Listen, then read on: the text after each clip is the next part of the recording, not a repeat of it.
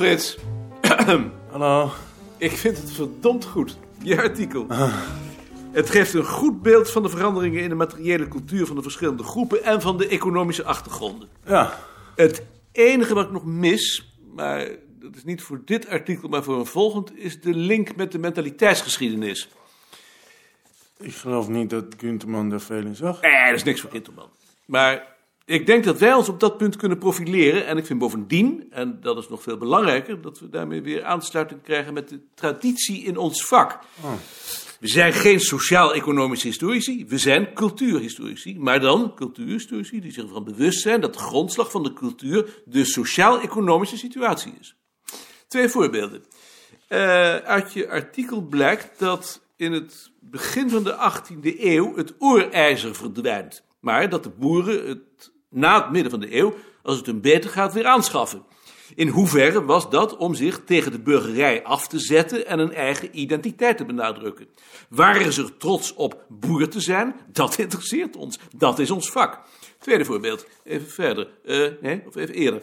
Ehm, schrijf je dat in de loop van de 18e eeuw het aantal religieuze voorwerpen in huis terugloopt. Houdt dat verband met de verlichting? Hoe zit dat in de 19e eeuw, in de tijd van de romantiek? Komen ze dan weer terug? Dat zou wijzen op een verandering in mentaliteit. Het zou echt meesterlijk zijn als je zou kunnen aantonen dat dergelijke stromingen hun weerslag hebben in de materiële cultuur.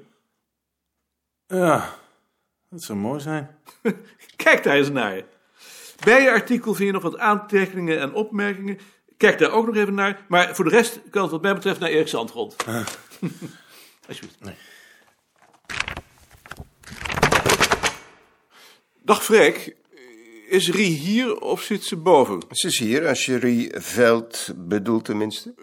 Is er nog een Rie? Rie, Dag. heb je even tijd? Je artikel. Ik heb een aantal details. Die staan hier op deze blaadjes. Die moet je maar eens bekijken. Alsjeblieft. Maar ik heb ook nog twee zaken van meer principieel belang. En daar wil ik even over praten. De eerste is dat ik het jammer vind dat je je beperkt tot een beschrijving. Je komt nergens met een verklaring Die is er ook niet. ben ik niet van overtuigd. Maar als er niet is, dan is de helft van je tabellen overbodig.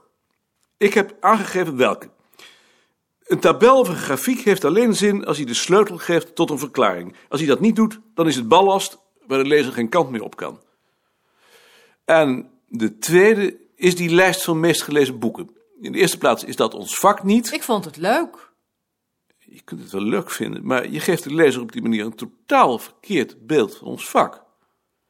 Wij houden ons bezig met de verschillen tussen groepen en de veranderingen in de tijd. Jij gooit hier alles uit de hele 19e eeuw in een grote doos en berekent het gemiddelde. Dat is ons vak niet. Nou, als niemand je ook vertelt wat het vak wel is. Bovendien heb ik het aan Ad laten lezen en die vond het wel goed. Zijn er nog meer mensen die het gelezen hebben? Maar dat weet ik niet. Laat het dan eerst de afdeling rondgaan, dan praten we daarna met z'n allen over. Moet iedereen daar dan bij zijn? Iedereen die erbij wil zijn. Goed? Goed dus.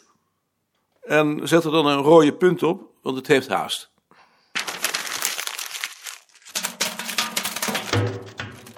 Sien. Ben je er weer? Was dat nou al wel verstandig? Heel verstandig. Hoe langer je wegblijft, hoe groter de berg als je terugkomt. Maar als je weer instort, ben je nog veel verder weg. Ik stort niet in. Sien.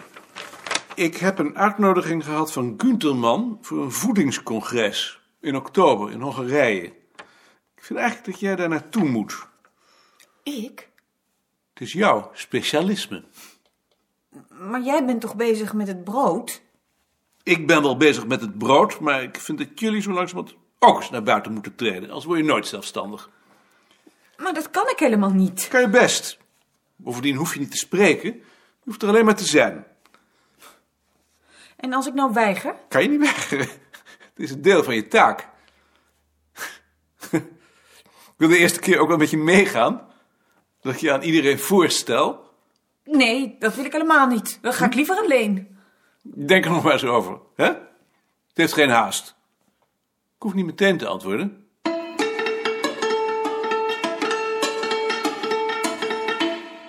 Lien, je artikel. Kan ik me niet terugtrekken? Nee, dat kan niet. Het? Ja, maar het is niks. Mag ik het zien?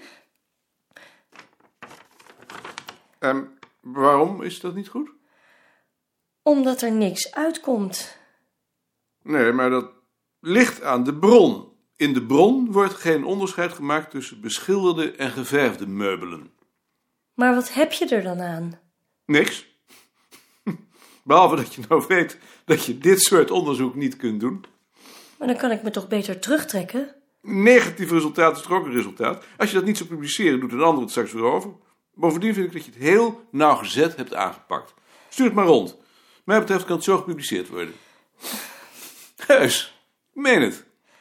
Maar dan moet ik het toch nog een keer herschrijven. Oh ja, Lien moet het weer herschrijven. Wat had je anders gedaan? Lees het nog maar eens door met die gedachte in je hoofd. Maar doe er niet te veel meer aan. In grote lijnen is het zo goed.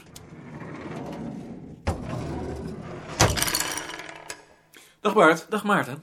Ad, eh, jij had al tegen Rie gezegd dat je haar artikel goed vindt.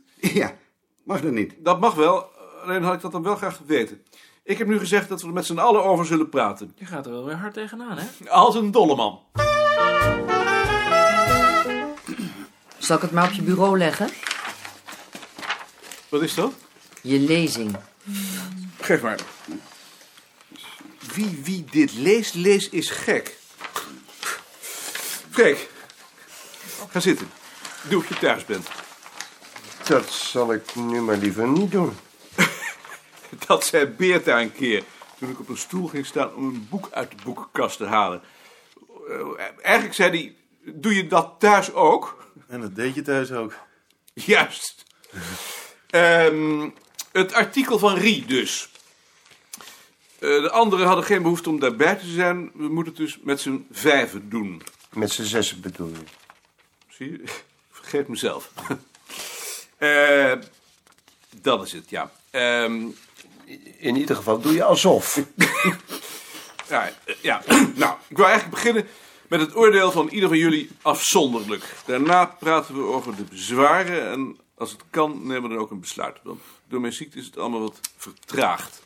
Freek, Over de inhoud heb ik geen oordeel. Waarom niet? Om, om, om, om, om, omdat het mijn vak niet is. Maar je kan toch ook wel een oordeel hebben als intellectueel of als leek? Alsjeblieft niet. Goed, wat, wat kunnen we er maar over zeggen? Ik vind dat er wel erg veel tabellen en grafieken in staan. Dat schept een technisch probleem. Maar vind je ze wel functioneel? Dat eh, weet ik niet. Dat weet je niet. Ik heb net gezegd dat ik niet op de inhoud in kan gaan. En hoeveel zou er geschrapt moeten worden om het geen technisch probleem te doen zijn? Ik zeg niet dat er iets geschrapt moet worden. Dat moeten jullie maar beslissen. Maar hoeveel grafieken en tabellen verdraagt zo'n tekst dan wel? Dat weet ik niet. Er zijn geen maatstaven voor. Tja, In ieder geval minder. nou, goed. Frits, Eh, ja. Waarom heb je bij die boeken de Bijbel eigenlijk weggelaten? Iedereen heeft toch een Bijbel? Dat weet ik niet. Dat zou ik nou juist wel willen weten. En als hij niet vermeld wordt, dan eh, zegt dat nog niks. Maar dat geldt toch voor alle boeken? Ik vond het niet interessant. Het lijkt me nou juist heel interessant. Dan moet je het zelf maar uitzoeken. was dat het? Ja. Ad, Ik vond het niet zo slecht. je had ook geen kritiek op onderdelen? Nee. Misschien dat er wat van die tabellen weg kunnen. En Mark? Zo in details heb ik het niet bekeken, maar ik vond het wel een aardig artikel. Ik heb eh, zelf twee bezwaren, of eigenlijk drie. Ik vind dat je een artikel niet zo mag overladen met tabellen als je daar verder niets mee doet. Er zijn meer tabellen dan tekst. Eh, Een tabel moet iets ondersteunen. Als hij dat niet doet, moet hij weg. Dat is eh, schijnexactheid waar we de lezers mee afschrikken. Dat is één. Het tweede bezwaar is die lijst met boektitels die in de boedels zijn aangetroffen. Zo'n lijst zegt niets over de verschillen tussen groepen en niets over cultuurveranderingen. Het is veel te globaal. Zoiets interesseert ons niet. Dat, dat is nou het enige wat ik nog begreep. Ik vond dat heel interessant. Vond ook wel interessant. Wat is er dan interessant aan? Dat ik denk dat heel veel Neerlandici daar ontzettend blij mee zullen zijn. Maar wij zijn geen Neerlandici. Dat ben je natuurlijk wel, al verloog je dat. Wij zijn geen Neerlandici, wij zijn cultuurhistorici. Dat zal nog wel de reden zijn dat ik er niets meer van begrijp. Maar het is toch ook wel aardig als we er op die manier wat Neerlandici als abonnee bij krijgen. Niet als dat ten koste gaat van de duidelijkheid. De lezers moeten weten waar het ons om gaat, anders wordt het een grabbelton. En wat is je derde bezwaar? Mijn derde bezwaar is dat Rie niets verklaart. Ze probeert wel verklaringen, maar vervolgens verwerpt ze ze weer, zodat het blijft bij een inventarisatie. Dat is omdat er geen verklaring is. Dat betwijfel ik dus. Maar je kunt toch niet van Rie eisen dat ze een verklaring Ik geeft? eis het niet, ik betreur het. Oh, nee, dan eh, is het wat anders. Maar nog even over die tabellen. Ja. Zou je daar niet een paar van kunnen schrappen? Ik zou niet weten welke. Misschien dat daar nog eens naar gekeken zou kunnen worden. Ik heb daar al naar gekeken. Ik heb aangegeven welke naar mijn mening geschrapt kunnen worden. Laat iemand anders daar dan nog eens naar kijken. Eh, nou, wil jij dat doen, Mark? Tot het congres heb ik geen tijd. En daarna heb ik een paar weken nodig om eh, achterstanden weg te werken. Als, als, als, als Freek en Ad nou nog eens samen met Rie naar de tabellen kijken die ik geschrapt wil hebben... en mij eventueel de argumenten leveren waarom dat niet kan. Dat wil ik wel doen. Niet als dat betekent dat ik me ook met de inhoud moet bezighouden. Maar hoe je dat doet, kan me niet schelen. Dan eh, wil ik het wel doen. En dan die boekenlijst. Ik ben er beslist tegen dat die zo gepubliceerd wordt. Dat zijn 10 of 15 bladzijden. Dat kan niet. Het enige compromis dat ik accepteer is dat je als bijlage, als bijlage, een lijst opneemt van de boeken die meer dan 10 keer voorkomen en eventueel verwijst naar het bureau voor de mensen die de rest willen zien. Waarom huil je? Begrijp je dat niet? Dat vind ik toch wel verdomde stom van je. Ontzettend stom vind ik dit. Begrijpt iemand dit?